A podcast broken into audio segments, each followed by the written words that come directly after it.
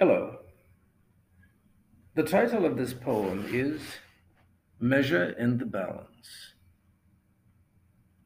The fragile bud becomes the delicate bloom. The absolute silence will fill an empty room. The endless day turns to the darksome night. The evil of wrong versus the goodness of right delicate balance found in the proper measure. All equilibrium in life is considered a treasure. Why then do we at times find ourselves wrong?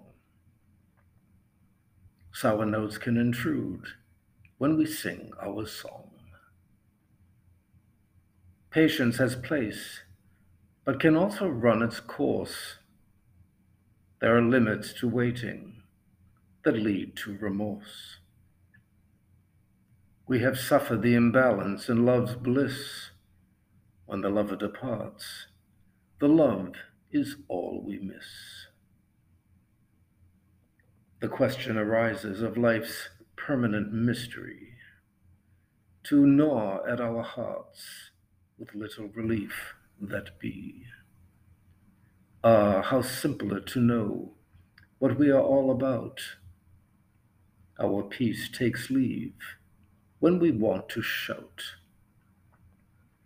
Where is the balance in battling the unknown? What equal measure will make things known?